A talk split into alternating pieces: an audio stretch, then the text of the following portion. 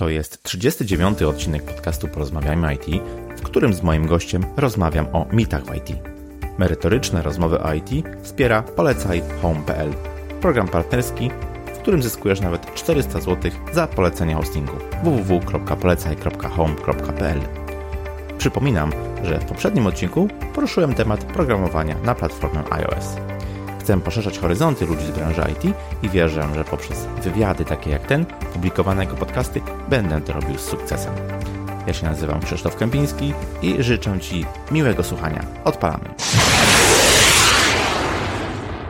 Mój dzisiejszy gość to osoba, która większość zawodowego życia przepracowała w sprzedaży.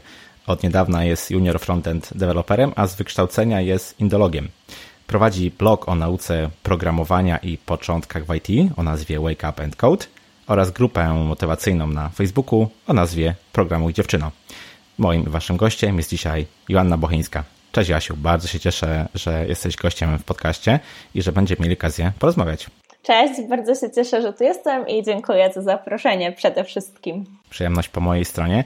A porozmawiamy dzisiaj z Jasią o temacie mitów, które krążą IT. To tych mitów, które są wewnątrz branży oraz poza nią. Spróbujemy sobie z nimi jakoś poradzić i jakoś je okiełznać, także do boju. Ja zawsze rozpoczynam e, od takiego pytania do gościa, czy słucha podcastów, jeśli tak, to jakich najczęściej? Tak, ja słucham podcastów i to dużo, e, jednak najwięcej takich anglojęzycznych. Głównie teraz Syntax to jest taki podcast Wesa Bossa i Scotta Tolińskiego o web developmentie. A także polecam wszystkim, którzy szukają e, podcastu i jeżeli uważacie, że nie można mówić o sprawach technicznych w formie podcastu, to posłuchajcie, bo to jest naprawdę to, co oni robią, to jest świetne. E, co tam jeszcze? Czasem słucham też sama Harrisa, bardzo lubię takie filozoficzne rozważania, a ostatnio mhm. też odkryłam e, taki podcast, który się nazywa Perfectionism Project, który pozwala walczyć z perfekcjonizmem, w sensie, żeby dbać o odpoczywanie, inne takie rzeczy, także w takich klimatach się obracam. Bardzo fajna lista, tego, tego ostatniego nie, nie znałem, także postaram się to wszystko e, później podlinkować w notatkach. Dzięki za podzielenie się. Jeśli myślałeś o porzuceniu etatu programisty i założeniu biznesu opartego o aplikację SaaS, mam dla Ciebie super zniżkę na kurs Bogusza Pękalskiego od dewelopera do foundera. Szczegóły na końcu tego podcastu. Okej, okay, to co? Rozpoczynamy z tymi mitami walkę? Pewnie, pewnie. Okej. Okay. Jednym z takich powszechnych mitów jest to, że żeby wejść do branży IT trzeba albo skończyć informatykę, albo przynajmniej być dobrym w przedmiotach ścisłych, a już matematykę to na pewno trzeba znać.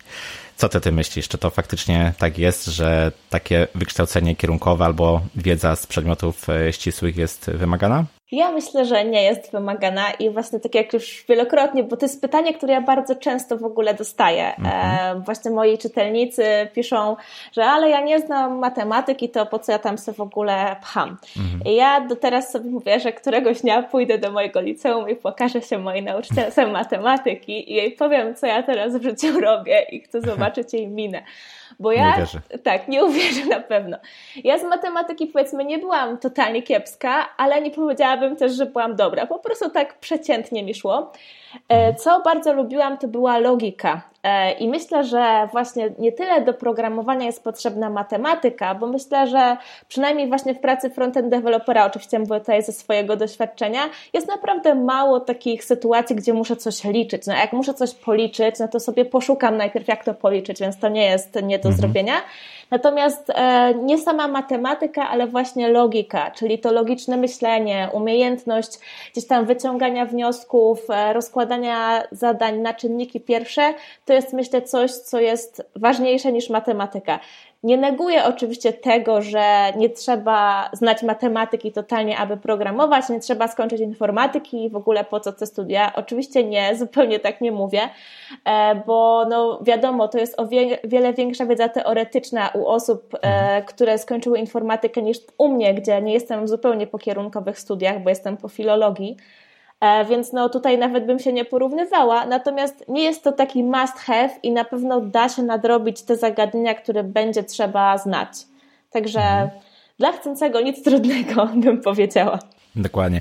Ja też miałem okazję pracować z ludźmi, którzy przechodzili z innych branż i to z, ze skrajnie różnych, bo od filozofii po, po języki właśnie, e, po, po marketing, więc, więc to naprawdę, naprawdę nie jest jakiś, jakiś wymóg.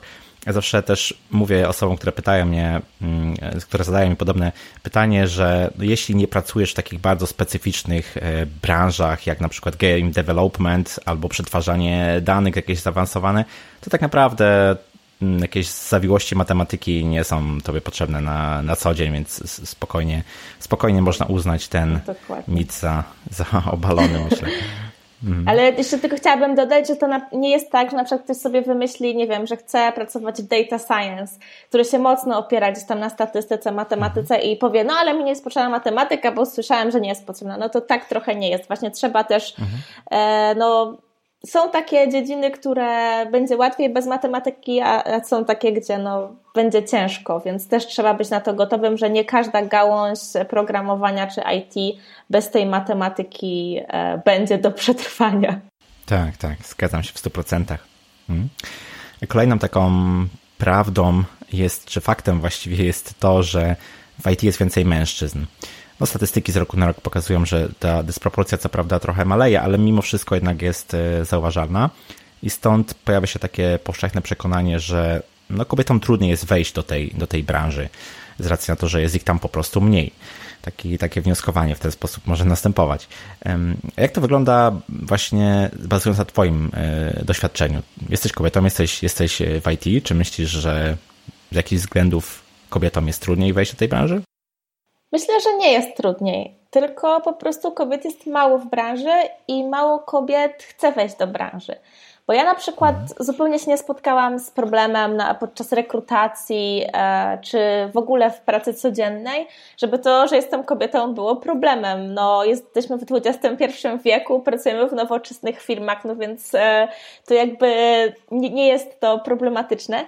Natomiast kobiet jest mało i to moim zdaniem wynika z tego, że po prostu mało dziewczynek i mało nastolatek interesuje się tego typu rzeczami, czyli programowanie, gdzieś tam jakieś takie zabawy z kodem, przez co mniej wybiera takie studia, mniej kobiet w ogóle myśli o takich technicznych e, zawodach. No i stąd potem jako dorosłe kobiety zwyczajnie jest ich mniej w branży. To się zmienia, no i musimy to zmieniać. Ja zawsze polecam w tym momencie TED Talk Reszmy Saujani pod tytułem mhm. Teach Girls Bravery Not Perfection, a, który zakłada, że właśnie dziewczynkom mówimy, że ach, musisz być taka miła, ładna, idealna, a mhm. chłopcom się pozwala na popełnianie błędów, a właśnie to popełnianie błędów jest niezbędne, żeby kodować, tak. no bo inaczej się nie da. E, I polecam cały ten TED Talk do obejrzenia, ale właśnie tam Reszma mówi, że e, kiedy ona prowadziła zajęcia dla dziewczynek z kodowania, to zobaczyła, że, czy to były dla dzieci, a zobaczyła, że dziewczynki mhm. często mają puste edytory. I ona zauważyła, że to nie było tak, że te dziewczynki nie miały kodu, tylko one miały kod, ale on nie działał albo nie był, jakby nie był idealny w ich mniemaniu, więc one wolały skasować i powiedzieć, że nic nie mają, niż pokazać coś, co nie działa. E, I właśnie myślę, że z takim myśleniem trzeba walczyć. E, no i jest, tak jak mówiłeś, jest coraz więcej kobiet w IT, te statystyki rosną, więc e, myślę, że to jest mit, że jest trudniej. Po prostu to nie jest takie powszechne myślenie i tutaj mhm. to, to, to trzeba zmienić. No moja grupa też to zmienia, bo ja właśnie tym tak. się zainspirowałam i mhm. jakby w mojej grupie jest teraz, żebym nie skłamała, chyba już prawie 17 tysięcy, coś takiego. Hmm. No, także no, no e, powiem tak, no, czyli kobiet zainteresowanych programowaniem jest, jest w Polsce sporo. sporo. E, sporo. Co pokazuje też sukcesy takich projektów, e, jak na przykład Girls.js, e, gdzie mhm no po prostu na warsztaty są, jest multum zgłoszeń. A, także myślę, że to jest mit zdecydowanie i po prostu musimy zmieniać myślenie. A tak. dziewczyny, jeżeli nas słuchają dziewczyny, to co wy musicie zrobić, to po prostu nie szukać wymówek i nie mówić, a bo mi będzie ciężko, bo nie wiecie, czy wam będzie ciężko, jak nie spróbujecie, więc do boju. Ruszamy i działamy. Słuchajcie, Jasia, Jasia wie o czym mówi. E, ja myślę, że też więcej będzie, będzie kobiet z racji na to, że te umiejętności miękkie, które kobietom jakoś dziwnym trafem przychodzą łatwiej, jednak będą coraz bardziej cenione w IT. Nie tylko twarde umiejętności programowania w konkretnym języku, ale właśnie umiejętności na przykład komunikowania i tak dalej, więc z racji na to mm, kobiet na pewno będzie, będzie przybywać. I przypomniała mi się też ciekawa historia, bo kiedyś na początku, kiedy programowanie było jeszcze na zasadzie kart perforowanych albo, albo jeszcze wcześniejszych technologii, to większość programistek, o ile nie 100%, to właśnie były kobiety. I co ciekawe, jak to się stało, że w pewnym okresie nastąpił taki, taki, taki switch, taka totalna zmiana i opanowanie tej branży przez mężczyzn. Otóż okazało się, że małym chłopcom rodzice w Stanach kupowali komputery. E, jako, jako zabawki po prostu. I w ciągu pokolenia czy, czy, czy dwóch po prostu ta branża zmieniła zupełnie, że tak powiem, swoje oblicze i zupełnie została e, przejęta przez, przez e, mężczyzn, którzy wcześniej właśnie jako chłopcy dostawali, dostawali takie zabawki pod tytułem komputery. Tak, ja też czytałam, że to jest kwestia branży gier że właśnie gry mhm. też były o wiele bardziej A, tak. rozpowszechniane tak. wśród chłopców, no i przez to właśnie oni mieli te komputery i grali więcej e, i po prostu zwyczajnie mhm. zaczęli bardziej w to iść. E. Bardzo możliwe. Tak troszeczkę dotknęliśmy tematu hermetyczności tej branży, czyli jakiegoś takiego zamknięcia. E, czy, czy, czy faktycznie według Ciebie ta branża jest taka posługująca się powiedzmy wewnętrznym slangiem, technicznym językiem, taka trochę z pogardą patrząca na, na innych, którzy nie rozumieją? Czy, czy, czy taka hermetyczność jakoś tam się w niej przejawia, myślisz? Myślę, że jest hermetyczna, jeżeli, szczególnie jeżeli chodzi o język na przykład, ale to jest myślę, nie specyfika tej branży, tylko specyfika każdej branży. Jak ja bym mhm. teraz spróbowała pójść rozmawiać z kimś o budowlance, o której nie mam pojęcia, to też pewnie e, Aha. nie wiedziałabym o co chodzi. Jestem świeżo po remoncie mieszkania i nauczyłam się dużo nowych polskich słów w tym procesie. E, I myślę, że to tak samo działa w IT.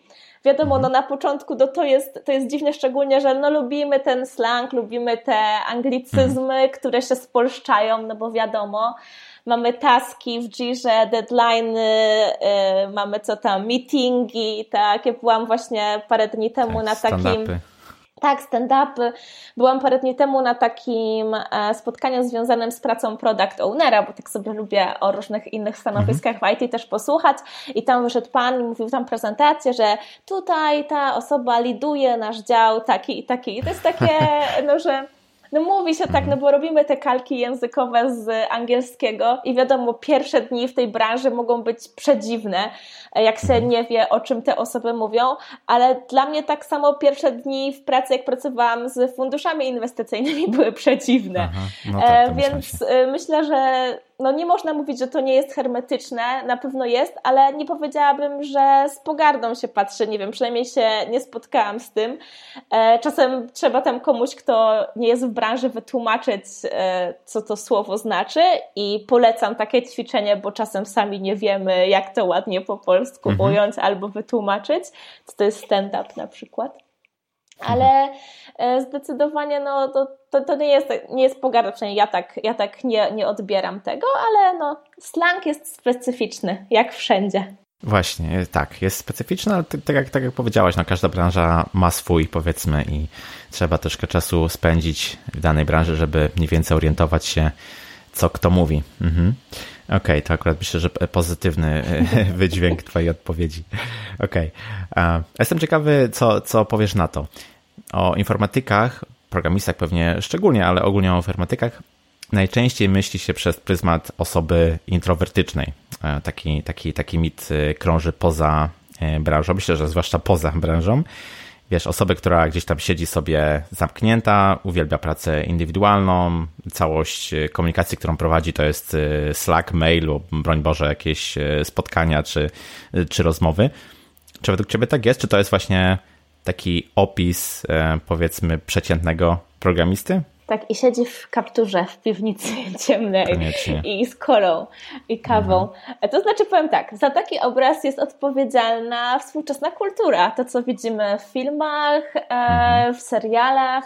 I ja przyznam się, że ja dokładnie tak właśnie wyobrażałam sobie programistów, zanim zaczęłam A, pracę w tej branży.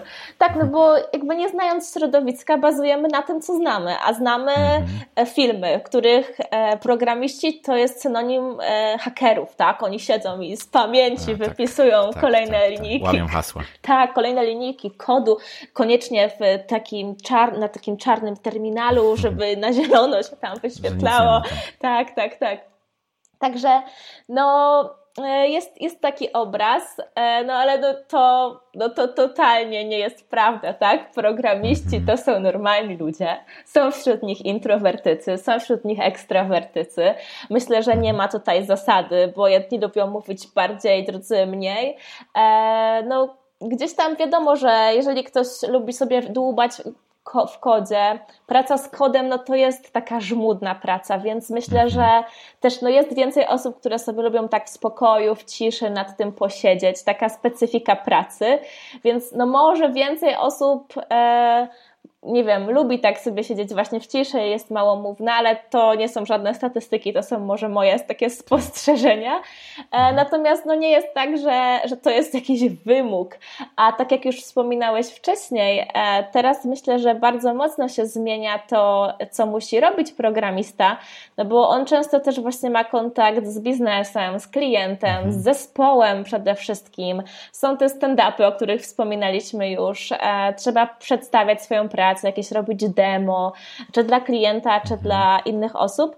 Więc coraz więcej, nawet te osoby, które są introwertyczne, muszą w jakiś sposób wychodzić z tej swojej strefy komfortu i, nie wiem, prowadzić na przykład jakąś prezentację albo umieć e, swoje jakieś tam propozycje przedstawić e, całej grupie. Więc to te takie umiejętności miękkie, te, o których wcześniej wspominałeś, no są bardzo ważne i myślę, że to bardziej właśnie w tym kierunku będzie szło, że ci introwertycy będą musieli trochę się, e, trochę wychodzić e, z tej swojej piwnicy przysłowiowej niż, niż odwrotnie. Aha ogólnie myślę, że nie ma niczego złego w byciu introwertykiem, tak samo jak nie ma niczego złego w byciu ekstrawertykiem. Pewnie. Po prostu są różne typy osobowości, tacy i ludzie są potrzebni i, i, i tacy i, i to absolutnie nie jest jakoś tam um, nic priorytetnego. Okej. Okay, um, no właśnie, a jeszcze wspomniałem o tym, że być może ta hermetyczność w branży jest, czy uwidacznia się w ten sposób, że troszeczkę z pogardą patrzy się na, na inne branże. I wiesz co, jakiś czas temu opublikowałem podcast o sprzedaży z Piotrem Buskim z JLabs i no tam rozmawiałem w nim właśnie na temat taki, jak programiści odnoszą się i patrzą na sprzedawców, bo to Wiesz, jest tak, że ci źli sprzedawcy y, chcą sprzedać wszystko, co tylko jest y, możliwe, no obiecują klientowi, a później my musimy to wszystko e, realizować, czyli no jest jakaś taka, taki troszeczkę powiedzmy antagonizm, ta, ta relacja jest niekoniecznie taka, że gramy do, do jednej bramki.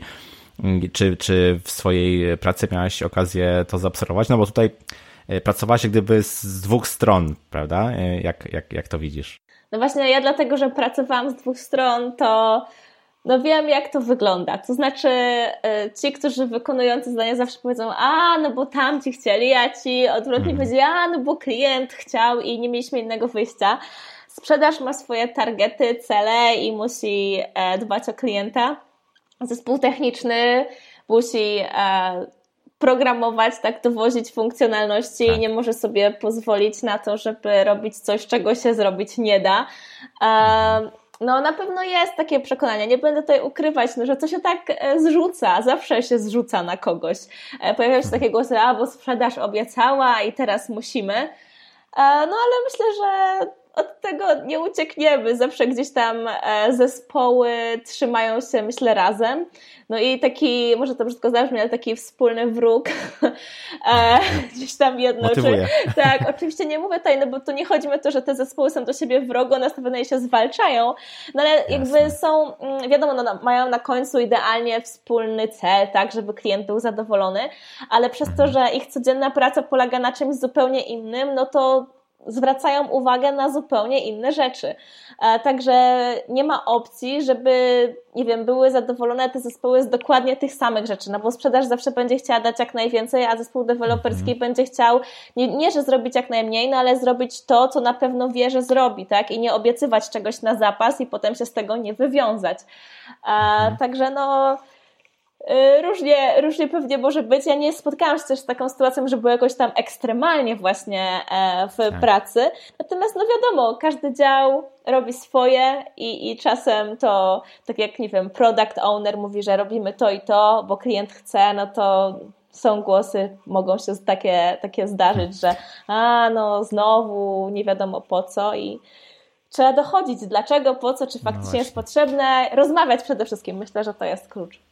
Że tak, o, to, to, tak, to nie jest mit, ale trzeba rozmawiać, się komunikować, mówić o co chodzi e, tak, i, tak. będzie trochę, lepiej. Trochę, właśnie i trochę, trochę tej empatii, bo myślę, że mm, taka wiesz, próba zrozumienia tej drugiej strony no może dużo, dużo pomóc, bo wiesz, gdy na przykład programista pojedzie na, na spotkanie sprzedażowe czy coś takiego, y, zrozumie, czy przynajmniej zobaczy, y, z czym to się wiąże, jakie, jakie są, jakie prawidła tym, tym rządzą. I w drugą stronę, jeśli na przykład sprzedawca, nie wiem, będzie uczestniczył w jakimś e, szkoleniu czy, czy meetupie związanym z, z technologią, to takie lepsze zrozumienie drugiej strony może też e, trochę zmniejszyć tą, tą barierę, myślę, zdecydowanie może pomóc, pomóc w zrozumieniu, powiedzmy, e, drugiej strony. Tak, na pewno, żeby nie było takiego, że tu jesteśmy my, tu są oni i że między nami jest taki mur. Właśnie, tak jak mówisz, polecam te mhm. chodzenia na techniczne osobom nietechnicznym, na takie techniczne spotkania i na spotkania takie bardziej miękkie osobom technicznym. To dużo daje. Wiesz co, tak sobie myślę, że ta nasza branża, branża IT w Polsce jest stosunkowo młoda. To jest pewnie z ratem z 20, 20 parę lat. I panuje też takie przekonanie, taki mit, właśnie kolejny o tym, że jest to branża zdominowana przez ludzi e, młodych, bardzo, bardzo młodych. Mm, jak myślisz, czy w IT mogą się też odnaleźć osoby starsze? E, myślę, że mogą ale muszą e, być na czasie z tymi technologiami, bo to, że tak jak mówisz, to, że są młode osoby głównie wynika z tego, że to jest branża bardzo dynamiczna, wiele się zmienia i po prostu to, w czym my programujemy teraz, no nie było tego jeszcze tam 30-40 lat temu. Więc mhm. siłą rzeczy osoby, które studiowały wcześniej, czy się uczyły wcześniej, czy myślały o swojej karierze wcześniej, zwyczajnie nie brały pod uwagę tego, że coś takiego będzie można robić. Powstają nowe zawody. Ja na przykład też nigdy się nie spodziewałam, że nie wiem, będę pracować jako programistka. Mhm. E, natomiast no, no, właśnie są też takie nowe zawody, które tam powstają. Podobno e, jest tak, że tam nasze dzieci będą pracowały w takich zawodach, które jeszcze nie istnieją. Jakby my nawet nie, nie mamy pojęcia, co one mogą robić, więc myślę, że tam za te 50 lat oni też będą mówić, a tam ci ludzie programowali, a teraz nie wiem, robimy coś innego. Także no branża jest na pewno młoda, co właśnie wynika z tego, że moda jest technologia. To jest prawda, że jest więcej młodych osób. Ja faktycznie, ja czasem się już czuję staro, szczególnie, że ja miałam, jak byłam juniorem po raz pierwszy, to miałam lat 26, 7. Mhm. No to na tle juniorów, juniorów, którzy przyszli tam mając 19-20 lat jeszcze w trakcie studiów, no to ja już się czułam staro, już jakbym była z pokolenia wcześniej.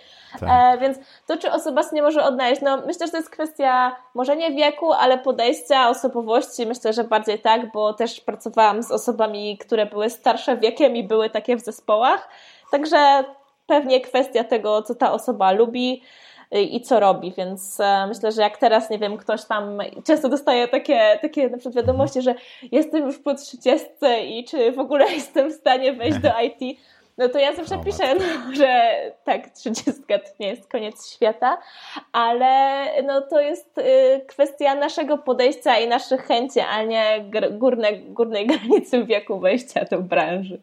No, dokładnie, dokładnie. Zwłaszcza, że to, co ja obserwuję na, na naszym e, polskim rynku, to jest taka struktura, która właśnie głównie składa się junior, z juniorów, ich jest faktycznie e, bardzo dużo. Jest taka wiekowo, tak? Chodzi mi teraz o wiekowo, nie e, lat doświadczenia. Później jest taka, taka kategoria, powiedzmy, taka, taka mid, czyli osoby właśnie 30, maksymalnie 40-latkowie, którzy już trochę doświadczenia zebrali, mają, mają jakieś pojęcie, ale ciągle brakuje właśnie takich seniorów w znaczeniu osób, które już zęby zjadły na tej branży i które mogłyby być w jakiś sposób mentorami dla, dla, dla nowych pokoleń. Tego, tego ciągle jeszcze nie ma, ale to może właśnie wynikać z tego, że informatyka jako taka jest bardzo młoda. W Polsce to jest w ogóle jeszcze krótszy okres czasu niż e, za granicą, więc w jakiś naturalny sposób powiedzmy te osoby jeszcze, jeszcze mm, e, powiedzmy nie dojrzały tak, do, do takiego wieku, ale myślę, że e, potrzeba takich osób istnieje, tak jak zresztą w każdej branży, no, jakieś doświadczone osoby, które przekazują później mm, wiedzę i doświadczenie dla, dla, dla młodszych, to jest, to jest nieoceniony, nieoceniony skarb, myślę. Mhm, myślę, że też to jest taka specyfika, że E, w IT można trochę nadrobić te lata. To znaczy, chodzi mi o to, że nie trzeba mhm. koniecznie 10 lat pracować, żeby mieć jakieś e, mega doświadczenie, bo po prostu można, nie wiem, pracować e, w wielu miejscach albo robić tak wiele projektów, no to oczywiście się wiąże z wypaleniem zawodowym, tak, bo jak ktoś pracuje 20 godzin na dobę, czy tam 10, mhm, mhm, no to wiadomo, on bardzo szybko ma nowe takie, no, mm, zyskuje wiedzę ogromną, zyskuje tą praktykę, doświadczenie i on szybciej jest w stanie gdzieś tam uczyć innych, no bo on po prostu bardzo dynamicznie się rozwija. To też jest dosyć specyficzne tak. E, i myślę, że, że dlatego właśnie też, e, no też tak e, te awanse trochę inaczej wyglądają i, i ta branża się mm, rozwija, mimo że właśnie są tutaj głównie młode osoby. Właśnie wspomniałeś przed chwilą o takim przepracowaniu, czy o, o no, pracy po godzinach i tak dalej pod wpływem stresu. Mm, jakiś czas temu robiłem właśnie też na ten temat y, podcast. Wiem, że to nie jest łatwy y, temat, ale mimo wszystko występuje. Co prawda, po, mm, po publikacji tego odcinka no, raczej były takie, takie e, komentarze powiedzmy na zasadzie, nie no, w branży IT ludzie się przepracowują, niemożliwe.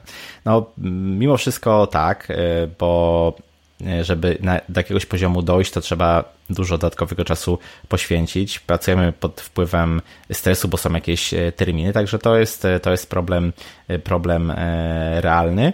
I właśnie chciałem zapytać Ciebie o, o, o zdanie, jak to, jak to wygląda, bo często mamy takie często spotykam się też z takim, e, takim, taką opinią, że to jest taka, wiesz, e, branża, gdzie ludzie grają sobie w piłkarzyki w ciągu, w ciągu dnia, troszkę coś tam popracują, ale tak naprawdę to nie ma nad nimi żadnego, żadnego bata, mogą sobie, wiesz, ze spokojem robić e, co chcą. Ja obserwując to ze środka widzę troszkę inaczej.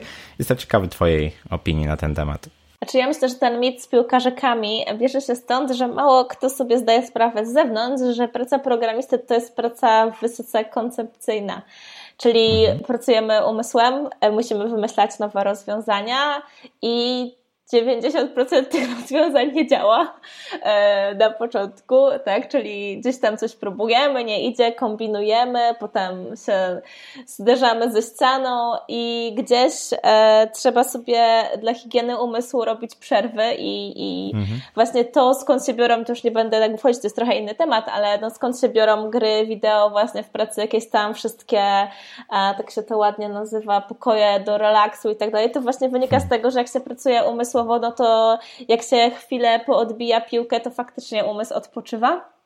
Także no, to trochę taka specyfika pracy. Natomiast czy jest praca po godzinach? No, jakby praca i nadgodzin, a, a nadgodziny takie płatne, to może nie jest mhm. tak właśnie, że trzeba. No nie trzeba, nikt nikogo nie zmusi. Mhm. Natomiast e, tutaj bym rozróżniła takie dwa przypadki, czyli pierwszy, jeżeli ktoś zmienia branżę i jest w tej branży nowa, tak jak ja na przykład byłam nowa w tej branży i mimo, że tam byłam po kursie i wydawało mi się, że to już tyle wiem, no to jest taki, taka euforia początkującego, któremu się wydaje, że on tyle wie, bo już zrobił dwie strony czy trzy, a jak tak. zrobi dziesięć, to już w ogóle szał, a potem nagle dochodzi do takiej przepaści i widzi, że tam jest po prostu tyle rzeczy, że tak, można jak tylko... Mało, jak mało wie. Tak, tak, że właśnie to, e, to jak mało wiemy. No i jak ja zaczęłam moją pierwszą pracę, to siedziałam w niej 8 godzin dziennie i robiłam rzeczy i przychodziłam do domu i też robiłam rzeczy, bo po prostu musiałam tyle nowych rzeczy się nauczyć, że nie byłam w stanie tego zrobić w czasie 8 godzin, gdzie musiałam też mhm. jakby coś już przedstawiać, tak? Coś musiałam kodować, jakieś musiały być mhm. efekty tej pracy.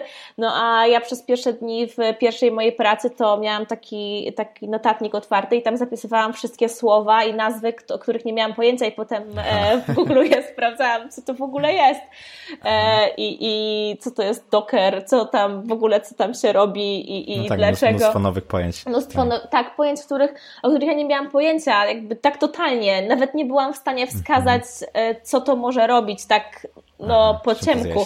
Tak, a jak wiadomo, że jak się słyszy już coś, no to potem e, no to potem już się wie, co to jest, więc no, osoby, które wchodzą do branży na pewno muszą się przygotować i ja zawsze to mówię na to, że to będzie praca po godzinach e, własna, po mhm. prostu, żeby być, e, nadążyć, żeby wiedzieć, co tam się, co tam się dzieje. A druga rzecz, no jak już się pracuje, no to pewnie można sobie pracować 8 godzin dziennie, odklepywać to, co, to, co tam się robi i, i nic i nic więcej. Natomiast w programowaniu wszystko jest bardzo dynamiczne i myślę, że jeżeli się nie uzupełnia swojej wiedzy, no to bardzo szybko można e, zostać z jednym projektem na kolejne 5 lat i, i być w tak. technologii, która była e, modna 5 lat temu. Szczególnie ja tutaj z perspektywy frontendu mówię, gdzie ja E, podczas kursu, który robiłam, wydawało mi się, że robię projekt w, fajnym, w fajnej nowej rzeczy, a jak skończyłam ten kurs i poszłam do pracy, to ta rzecz już była stara. E, także ta będę się już dezaktualizowała. E, no i no, programista musi uzupełniać swoją wiedzę, więc to się też łączy z tym, że musi lubić, bo po pracy tam się robi jakieś swoje rzeczy, coś tam zawsze fajnie doczytać, popróbować, pokombinować, zrobić mhm. jakieś projekcik mały, żeby wypróbować nowe rzeczy. E, więc no to nie jest e, konieczne, ale myślę, że na pewno jeżeli chcemy pracować w branży i chcemy, żeby ta nasza kariera się rozwijała, żebyśmy dostawali fajne zadania, żebyśmy mieli możliwości zmiany pracy, no to trzeba być na bieżąco, a no nie wszystko się w 8 godzin pracy wciśnie, bo trzeba też pracować. No właśnie, no, dokładnie. E, sama robisz dużo więcej, zresztą jest godzina 21, siedzimy sobie tu, roz, rozmawiamy, to też jest jakaś tam forma, powiedzmy, no, rozwoju w, w branży, więc tak, tak, dokładnie tak jak mówisz, no trzeba być świadomym tego, że co prawda nikt nas, e, w sensie pracodawca, nie zmusza do tego, no ale jest to no, wymagane, może w tym sensie, że potrzebne, żeby no, w miarę w tej branży być e, świeżym na bieżąco, no bo to tak jak mówisz, postęp technologiczny jest na tyle szybki, że bardzo szybko może się okazać, że już pracujemy w technologii, która jest po prostu dinozaurem i no, szybko, I już tam zostaniemy. Będziemy tak, utrzymywać tak, ten projekt. Ja jeszcze gorzej. tylko dodam, że ja na przykład teraz jestem na urlopie macierzyńskim i też sobie nie wyobrażam nie mhm. czytać, nie robić czegoś, bo no ja myślę, że jakbym się wyrwała tak na rok zupełnie i nie wiem, nie czytała, co tam się dzieje, czy nic tam się nie zmienia, no to mhm. bym się musiała uczyć bardzo wiele od nowa po tym roku. Tak, A i tak, tak pewnie będę prawda. musiała sporo mhm. nadrabiać. No tak, tak, ale no to właśnie jest taka specyfika, tak, tak jak powiedziałaś. Okej, okay, e, teraz poruszmy taki gorący, rozpalający głowy temat, jak, e, jakim są zarobki. Krążą, krążą legendy o tych, o tych zarobkach e, w IT, krążą legendy o tym, jak szybko można awansować i, i, i zarabiać bardzo duże pieniądze tak de facto mając zaledwie kilka lat doświadczenia, co w innych branżach no, nie, ma, nie ma miejsca. Mm, jak to jest z Twojej perspektywy? Czy to faktycznie jest mit, czy, czy jakaś, jakaś tam prawda się z zarobkami wysokimi w IT wiąże? Powiem tak, mit to jest e, taki, że po e, ukończonym kursie sześciotygodniowym programowania albo jakimś półrocznym przychodzimy i firma mówi świetnie skończyłeś kurs, dla Ciebie 11 tysięcy na rękę, siadaj i tutaj są piłkarzyki. A no, tak. no tak, no tak to nie wygląda. E, wszyscy, mhm. którzy zmieniają branżę muszą się przygotować na to, że to jest pensja juniora na początku i dla mhm. osób, które miały inną pracę, gdzie miały już jakieś stanowisko stanowisko, doświadczenie, no to to może być duży skok w dół. Mhm. Natomiast tak jak mhm. mówisz, e, prawdą jest to, że te zarobki rosną e, w miarę szybko, to znaczy w porównaniu z innymi branżami zdecydowanie szybciej.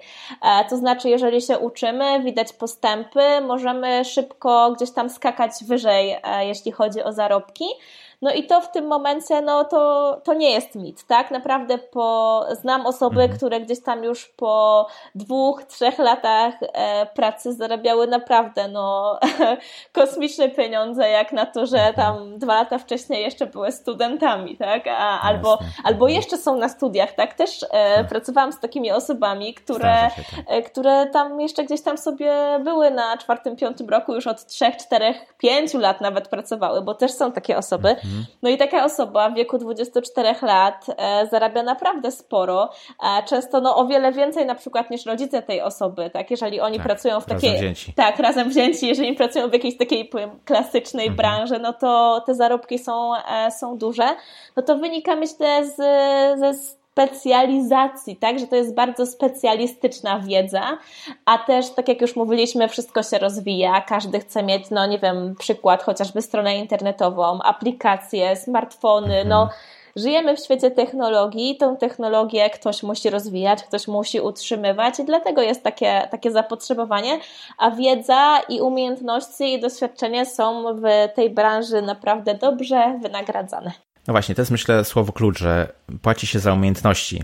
E, tak de facto e, wykształcenie nie ma znaczenia, nie ma znaczenia ile mamy lat. Jeśli posiadamy te umiejętności, zdobyliśmy je odpowiednio wcześniej i je szlifowaliśmy, no to mamy szansę na, na, faktycznie, na faktycznie fajne e, zarobki. A no jest też taki mit, no to właśnie tu jest znak zapytania, czy to jest mit, czy, czy nie, że y, programista nie musi się obawiać o swoją sytuację na, na rynku pracy, że mamy taki rynek y, pracownika i wiesz, jest nawet taki dowcip, że, że programista stracił pracę i były to najgorsze 5 minut jego życia. Jak ty widzisz tą, tą sytuację? Czy jest faktycznie rynek pracownika i nie musimy się martwić e, o pracę, czy też może sytuacja jest troszeczkę bardziej skomplikowana? Myślę, że jest bardziej złożona niż się na pierwszy rzut oka wydaje, bo na przykład e, dla juniorów jest coraz mniej ofert, bo tak jak już wcześniej też mówiłeś, jest dużo juniorów i ten rynek jest dosyć nasycony. E, tak. Jeśli chodzi o e, to, że ten programista stracił pracę na 5 minut, e, to myślę dotyczy osób z doświadczeniem i z ogromną wiedzą i faktycznie jeżeli mhm. ktoś jest specjalistą, to myślę, że nie ma żadnego problemu ze znalezieniem pracy. Natomiast jeśli chodzi o właśnie wejście do branży, to tutaj trzeba umieć coraz więcej w porównaniu z tym, co, co trzeba było umieć wcześniej. Jak ja e, szukałam pierwszej pracy, to już tam właśnie potrzeba było znać JavaScript, a wszyscy mi mówili, że kiedyś na juniora to nikt w ogóle tego nie wymagał, tylko tam trochę HTML-a, CSS-a i więcej po prostu się już uczyło w firmie. Teraz już coraz więcej się wymaga I, I to nie jest tak, że po prostu wysyła się, nigdy się nie miało, nie ma się doświadczenia i się wysyła CV od razu wszyscy drzwiami i oknami walą, e, ale no dla osób z doświadczeniem, które pracują i które mogą właśnie się pochwalić projektami w portfolio, czy, czy właśnie doświadczeniem w firmach, no to myślę, że no to jest tak, że, że te osoby ze spokojem znajdą pracę. Znam takie przypadki osób, które po prostu rzucały pracę i bo wiedziały, że znajdą na przykład nową i sobie tak. mogły jechać na wakacje dłuższe i potem sobie poszukały pracy.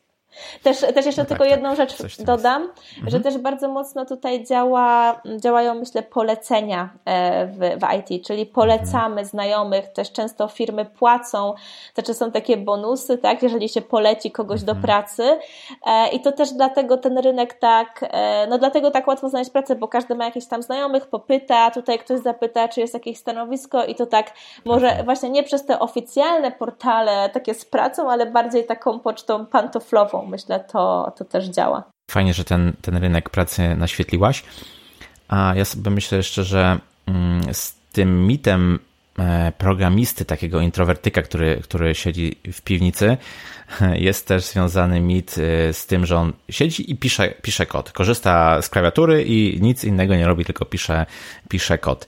E, tymczasem, no, obydwoje wiemy, że obecnie programista to chyba więcej czyta tego kodu niż pisze. Poza tym musi też podejmować sporo decyzji, które niekoniecznie są takimi decyzjami technologicznymi, typu który framework e, wybrać albo jaką bibliotekę dołożyć do projektu, bo wymagana jest jakaś wiedza taka domenowa, wymagane jest po prostu zrozumienie tego problemu i później dobranie rozwiązania pod ten, pod ten e, problem. ale mit osoby, która siedzi i cały czas stuka w klawisze, mimo wszystko gdzieś tam funkcjonuje. Skąd według Ciebie właśnie ten mit się bierze i czy tak faktycznie jest, że programista to jest osoba, która taki, taki robot powiedzmy, która ślepo tylko e, klepie w tą klawiaturę? No tak, oczywiście nie jest, e, ponieważ praca programisty to nie jest tylko pisanie kodu.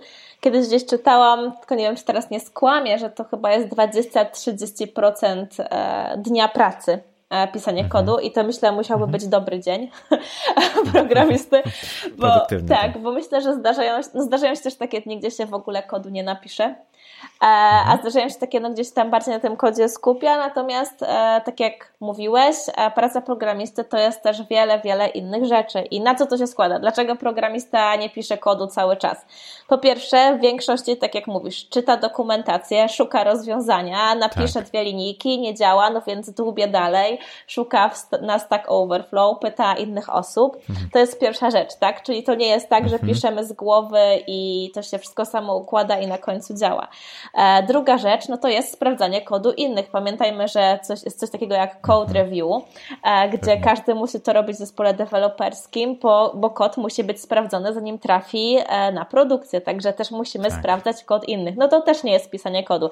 Musimy pisać komentarze, co, czasem coś wyjaśnić osobiście. No to lecą kolejne mhm. godziny. Kolejna rzecz, spotkania. E, często dzisiaj zespoły mhm. pracują w tak zwanym skramie, który wymaga spotkań, żeby zespół spotykał się regularnie. Tak jak już mówiliśmy, mhm. te codzienne stand-upy. Są też planningi, czyli planowanie, omawianie. E, no to jest e, ogrom, ogrom czasu. Tak jak mówię, czasem zdarzają się dni, gdzie mamy same spotkania, no i nawet nic się nie, nie zakoduje, bo po prostu no. tak, no bo trzeba właśnie tutaj na spotkaniu, na którym omawiamy rozwiązania, sugerujemy różne różne, e, jak to można zrobić, e, rozmawiamy razem, co będzie najlepsze.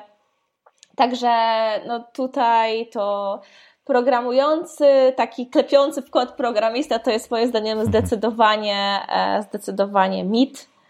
I to mnie też zaskoczyło w pracy programisty, jak przyszłam do pracy i się okazało, mhm. że mamy na ten dzień trzy godziny spotkań. I ja mówię, jak to trzy godziny spotkań? Co, co, tam, co będziemy w ogóle robić? To nie jest tak, że ja to znam, tak, tak, że ktoś mi tutaj, no dobra, to dajcie mi ten szablon, to ja go zakoduję, a potem się okazało, Aha. że to tak nie działa i że właśnie to, jaki wkład ma programista w ten, no jakby w produkt, rozwiązanie jest o wiele większy niż mi się wydawało. Dokładnie, dokładnie. Właśnie, a z tą pracą programisty wiąże się to, że jest taka opinia, że to jest no, dosyć nudne, gdy się tak z zewnątrz patrzy. E, jest to osoba programisty, która siedzi na swoim stanowisku w biurze przy komputerze, no i właściwie cały dzień tam sobie siedzi i, i, i, i coś robi. No i to musi być strasznie, no, strasznie nudne przecież, jak się z zewnątrz obserwuje, e, że to jest takie, wiesz, żmudne przesiadywanie i tak dalej. Czy według Ciebie tak jest? Czy praca programisty jest nudna, mit, czy, czy prawda? Odpowiem tak. To zależy. Oczywiście zależy, gdzie pracujemy, jaki mamy produkt. Jak nie wiem, ktoś na przykład pracuje e, gdzieś na jakimś, e, nie wiem, już gotowym rozwiązaniu i nie wiem, jego zadaniem głównym jest zmienianie kolorów guzików w zależności od tego, co klient sobie życzy, no to no dla mnie na przykład to byłoby nudne. Natomiast mhm. e, oczywiście no, do same kolory, tak chodzi mi tutaj o takie jakieś tam proste, proste rzeczy. Natomiast no, w większości przypadków no, to jest jak już mówiłam, praca raz, że koncepcyjna, a dwa, wymagająca kombinowania i cały czas wymyślania nowych rzeczy.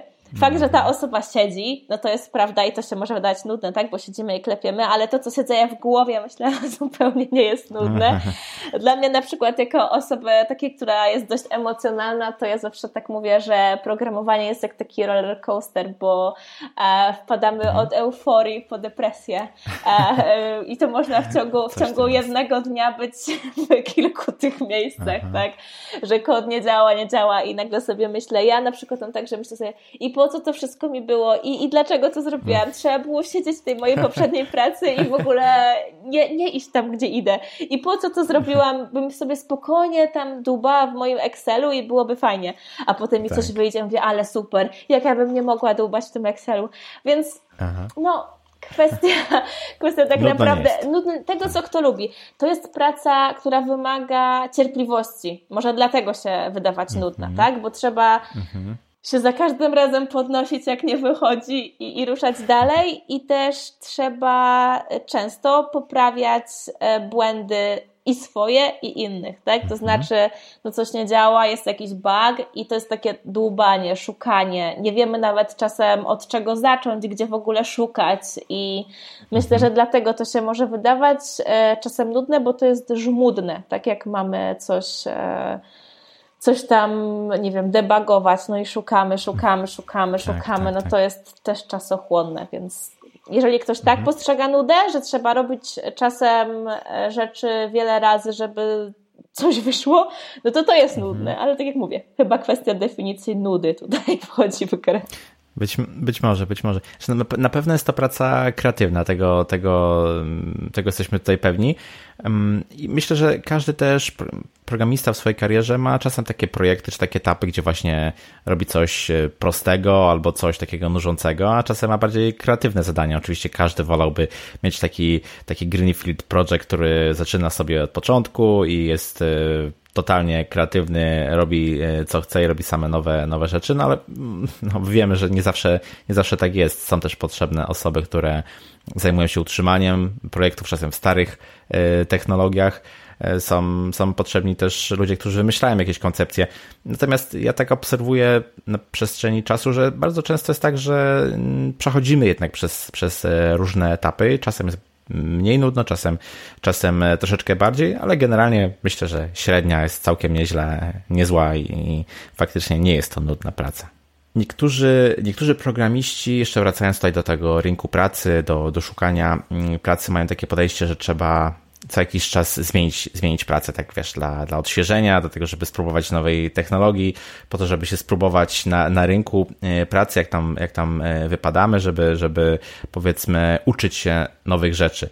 E, czy według Ciebie takie podejście właśnie częstej zmiany pracy to jest coś, co ma sens, czy też tak za bardzo nie występuje i jednak obserwujesz ludzi, którzy przez dłuższy czas na jednym stanowisku e, spędzają więcej po prostu czasu.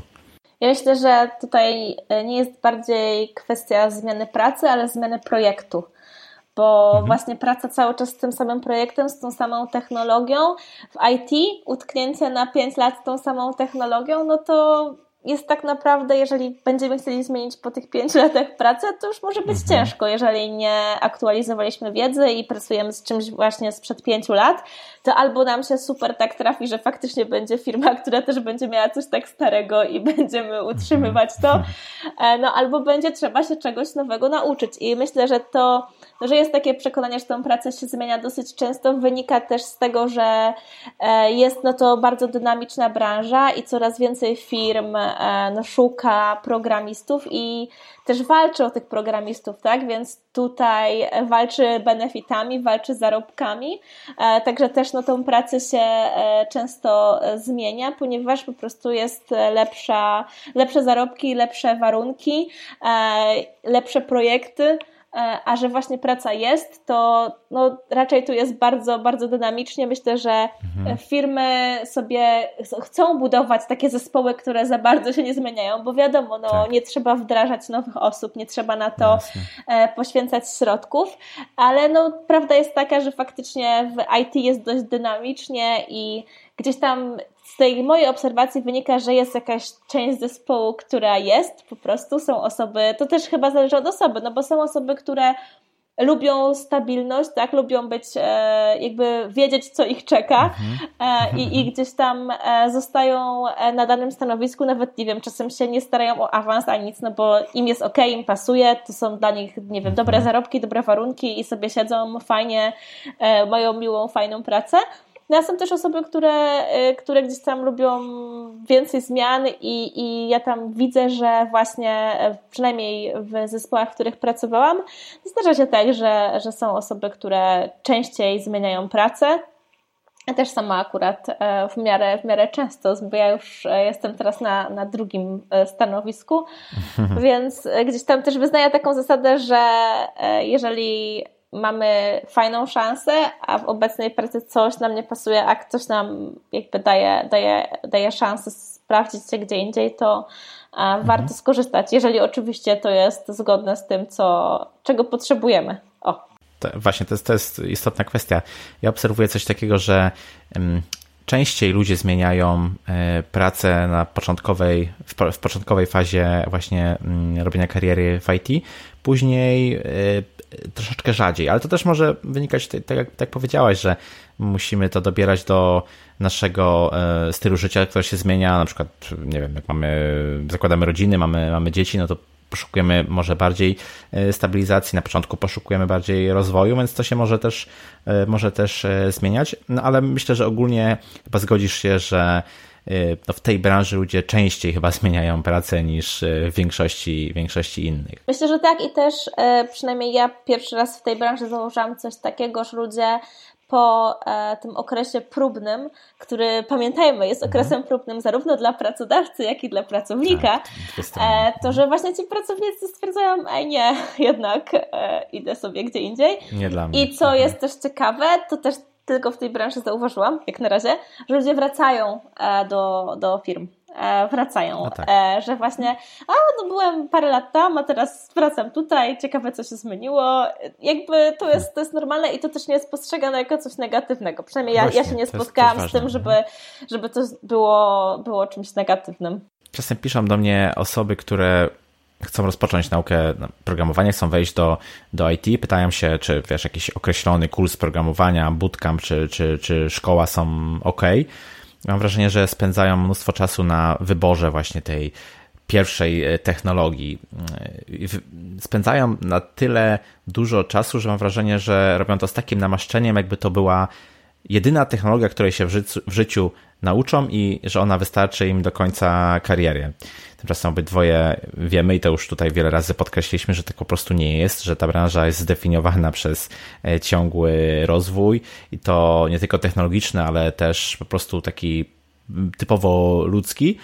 I e, zastanawiam się, e, czy też obserwujesz takie zjawisko w swojej grupie, gdzie, gdzie motywujesz dziewczyny do nauki programowania, że ludzie zastanawiają się, bardzo dużo, du, dużo czasu spędzają nad e, wyborem pierwszego języka programowania, który to wybór najczęściej nie ma za bardzo sensu, bo i tak e, po prostu wiele razy ten język w ciągu naszej kariery się zmieni. Tak, to jest myślę e, powszechne, powszechne bardzo zjawisko mhm. i dotyczy one ono myślę, nie wiem, 90% osób, które chcą zmienić branżę.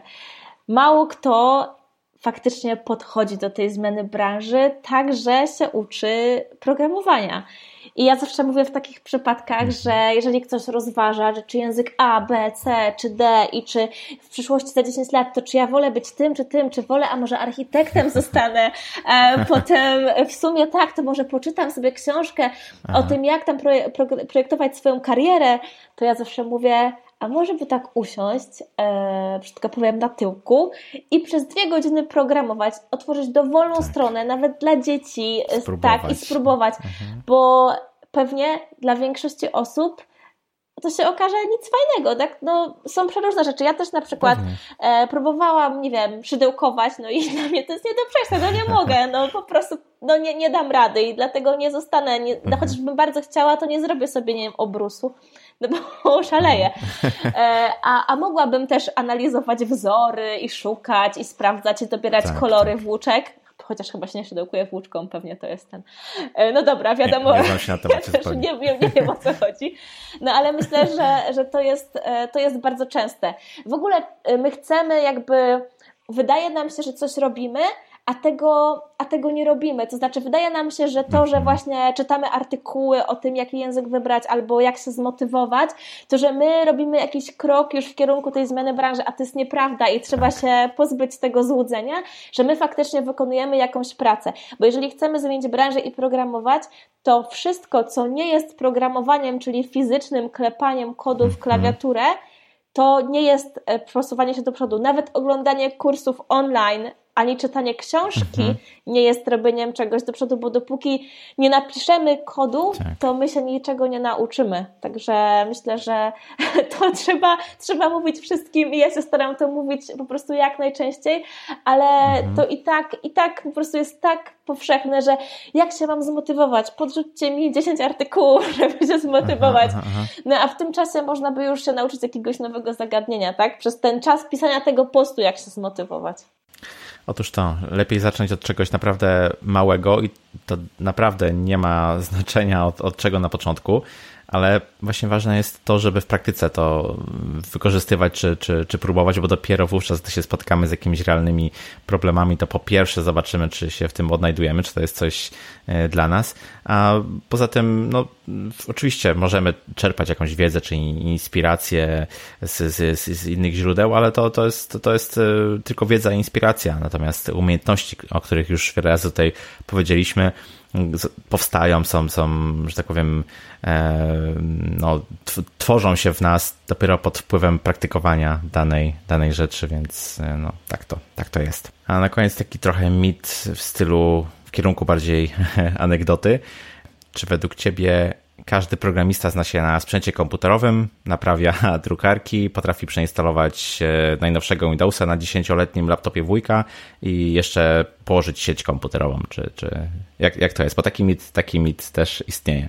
Tak, mit istnieje, ma się bardzo dobrze, e, żyje cały czas, e, a myślę, że nie jest, nie jest prawdą w moim przypadku że totalnie nie jest prawdą, bo ja się zupełnie nie znam na komputerach. Jeżeli coś muszę zrobić, no to zrobię, ale gdy pierwszy raz e, musiałam e, sobie zainstalować inny system niż Windows i zacząć pracować na, na Ubuntu, to po prostu mhm. nie wiedziałam w ogóle, co się dzieje. Także no, nie każdy, nie każdy to, to umie, nie każdy się tym interesuje, nie każdy to lubi. E, ten mit myślę bierze się stąd, że no, kiedyś programowały osoby głównie po informatyce i myślę, że mhm. jeżeli siedziały w komputerze, to tam siłą rzeczy sobie te komputery składały, tak? To kiedyś trochę, trochę inaczej to, to wyglądało, że taka znajomość komputera to była, była też jakby część, tak, jakby taka naturalna droga, o, że tak powiem, że, że gdzieś tam całościowość to traktowało, no a teraz zupełnie, zupełnie nie, e, bo ja na przykład też nie mam takiego pragnienia, żeby poznać, co jest mhm. w moim laptopie i jak on działa, w sensie no jakby, do, no, nie musisz, tak, prawda? nie muszę, no bo nie jest mi to do niczego potrzebne. Też pamiętajmy, że dzisiaj no musimy przyswajać tyle wiedzy e, w tej mhm. branży, że trzeba też wybierać, czego chcemy się nauczyć, a na przykład nie jest mi mhm, mhm. Konieczne tak. poznawanie teraz dokładnie, w jaki sposób działa komputer, żeby na nim pracować, bo wystarczy, że, że wiem no to, to, co wiem, co jest, mi, co jest mi potrzebne do pracy, ale no ten, ten, mit, ten mit żyje, bo ja sama dostaję, dostaję pytania na fanpage, a czy jak będę mieć o takiej i takiej pamięci komputer, to coś tam, albo a jak mam zainstalować coś tam, coś tam. No, tak, tak, także tak, tak to, to, to żyje e, i, i na, nawet właśnie do tego stopnia czegoś nie spodziewałam, że do mnie ktoś pisze, tak, gdzie ja mam bloga o kodowaniu, to do mnie ktoś pisze, a jak ja tam mam no tak. zainstalować Windowsa. Zdarza się. Mm -hmm. Tak, ja myślę, że ten mit pochodzi gdzieś z czasów, kiedy informatyk to był taki geek, który po prostu znał się na, na wszystkim, od assemblera, po tym jak sobie z, z, zlutować e, komputer i tak de facto ogarniał wszystkie aspekty informatyki, ale wówczas się jeszcze dało ogarniać, przynajmniej większość. Dzisiaj, tak jak powiedziałaś, no, trzeba wybrać jakąś specjalizację. Ja zawsze takim osobom, które zadają tego typu pytania czy, czy, czy, czy prośby, to porównuję to do sytuacji lekarza, prawda? Gdzie niekoniecznie dentysta, dentystę będziemy prosić o, o zoperowanie oka i, i, odwrotnie. Tam też są dosyć wąskie specjalizacje i nie działa to wymiennie i tak samo jest właśnie w, w ogólnie rozumianym IT. E, nie każdy od e, sprzętu będzie programistą i nie każdy programista musi znać się na, nie wiem, na testowaniu aplikacji, prawda? Więc, więc e, no, tak, tak to właśnie, tak to właśnie jest.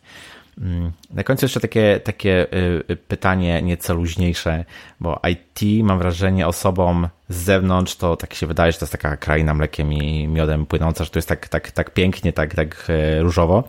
E, czy myślisz, że, że, że znaczy, myślę, że też obserwujesz taki, taki mit, ale czy wydaje się tobie też, że osobom z branży też się wydaje, że to są tacy, wiesz, że oni są takimi szczęśliwcami, którym udało się dostać do, do tej branży, mają tutaj świetne miejsce i, i tak naprawdę spotkało ich wielkie szczęście w życiu. Tak, to jest branża wybrańców.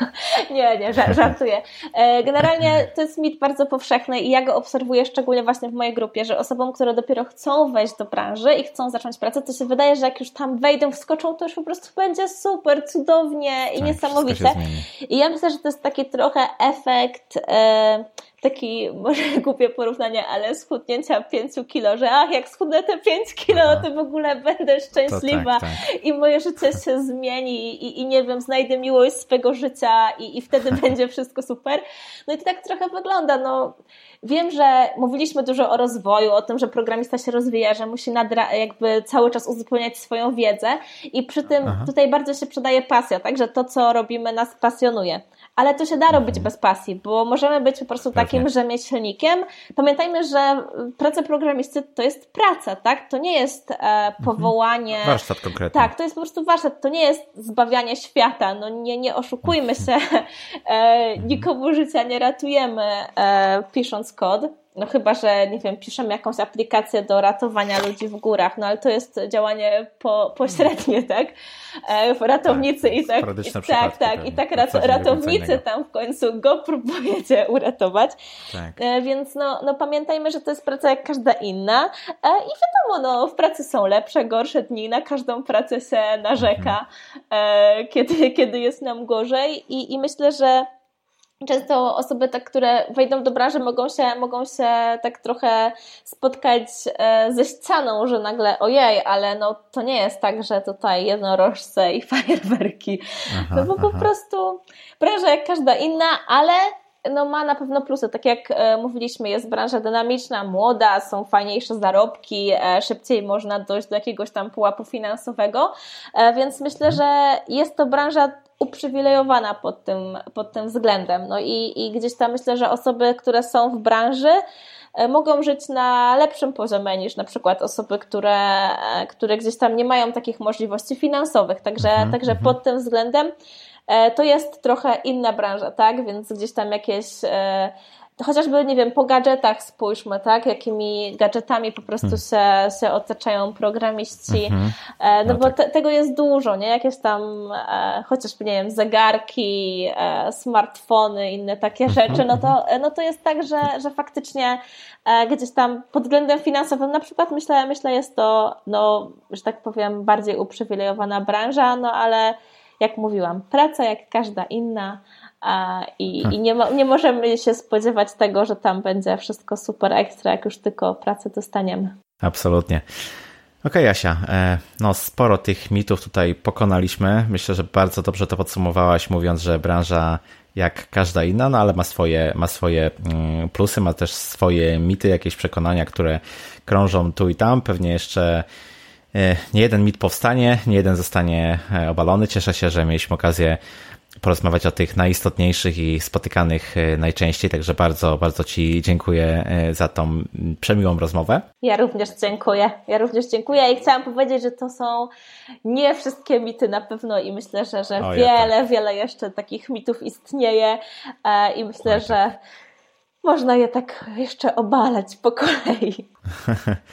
No tak, można, można przynajmniej próbować, bo z pewnością wszystkich się nie da. Dokładnie. Ale no tak, jest, jest, jest ich sporo, zgodzę się, absolutnie. Super. To ja Ci jeszcze raz bardzo dziękuję i na koniec zapytam Cię, gdzie Cię można znaleźć e, w internecie, jak się z Tobą skontaktować najprościej. Mnie można znaleźć głównie na moim blogu, czyli wakeupandcode.pl i też na Facebooku, na fanpage'u, a także na fanpage'u Wake Up and Code oraz e, w mojej grupie facebookowej Programuj Dziewczyno z łatwością można ją znaleźć e, wpisując w mhm. wyszukiwarkę. E, więc głównie tam, sporadycznie też działam organizując warsztaty w ramach Girls.js. więc mhm. też, też tam się przewijam, ale Wake Up and Code i Programuj Dziewczyno to są moje dwa główne miejsca w sieci. Świetnie. To zapraszam na bloga, na fanpage i na grupę, które są prowadzone przez y, Joasię, no i też na, na różne wydarzenia przez nią organizowane. Jasia, jeszcze raz wielkie dzięki, no i do usłyszenia. Cześć. Cześć. I to na tyle z tego, co przygotowałem dla Ciebie na dzisiaj. Przemiła rozmowa z Joasią, która mam nadzieję obaliła najczęstsze mity, które krążą w IT albo poza nią i w ten sposób skrzywiają jej obraz.